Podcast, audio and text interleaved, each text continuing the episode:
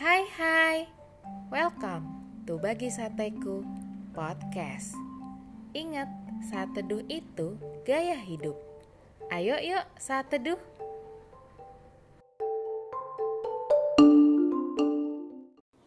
Topik saat teduh kita hari ini adalah Emang cowok gak boleh nangis?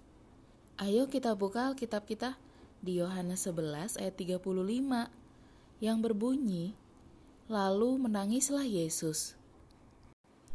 Sahabat sateku, mungkin banyak dari antara kita yang bertumbuh dengan pemahaman bahwa menangis adalah tanda kita lemah. Makanya nih, kita jadinya cenderung diajar untuk menahan diri dari menangis. Pemahaman tersebut tanpa kita sadari jadi terdoktrin dalam diri kita, terutama bagi kaum laki-laki. Seperti yang pasti udah sering kita dengar di tengah kehidupan bermasyarakat. Ada aja tuh pasti omongan-omongan kayak gini. Ih, masa laki-laki nangis sih?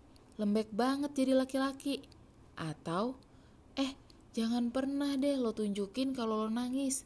Malu-maluin banget tahu. Lo itu harus kuat jadi orang. Jangan nangis-nangis gitulah. Nah, omongan-omongan seperti itulah yang akhirnya membuat kita jadi menahan sedemikian hebat ketika sebenarnya tangisan kita udah mau tumpah.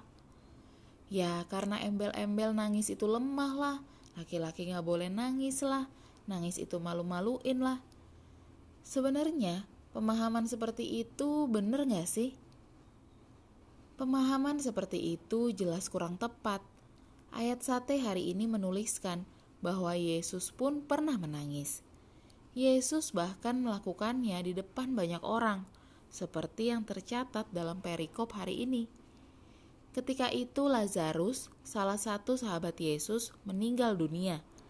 Maria dan orang-orang lain yang ada di sana datang menjemput Yesus dengan berlinang air mata. Situasi itu membuat Yesus terharu dan kemudian menangis. Ketika itu Yesus tidak menahan dirinya. Gak ada tuh istilah pengen nangis tapi malu atau pengen nangis tapi takut dianggap lemah.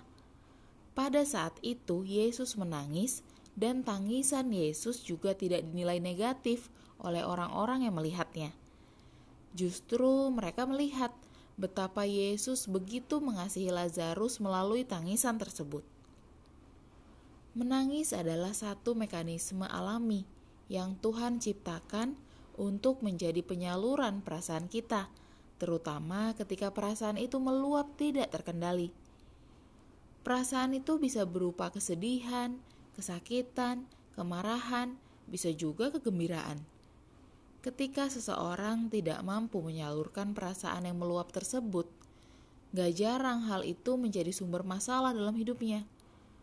Ketika kita menangis, perasaan tersebut akan tersalurkan sehingga kita merasa lega dan dapat mengendalikan diri kita lagi.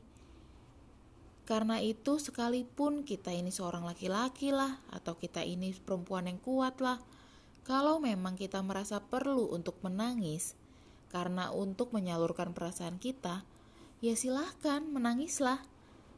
Menangis bukanlah tanda kelemahan, malah dapat menjadi sumber kelegaan.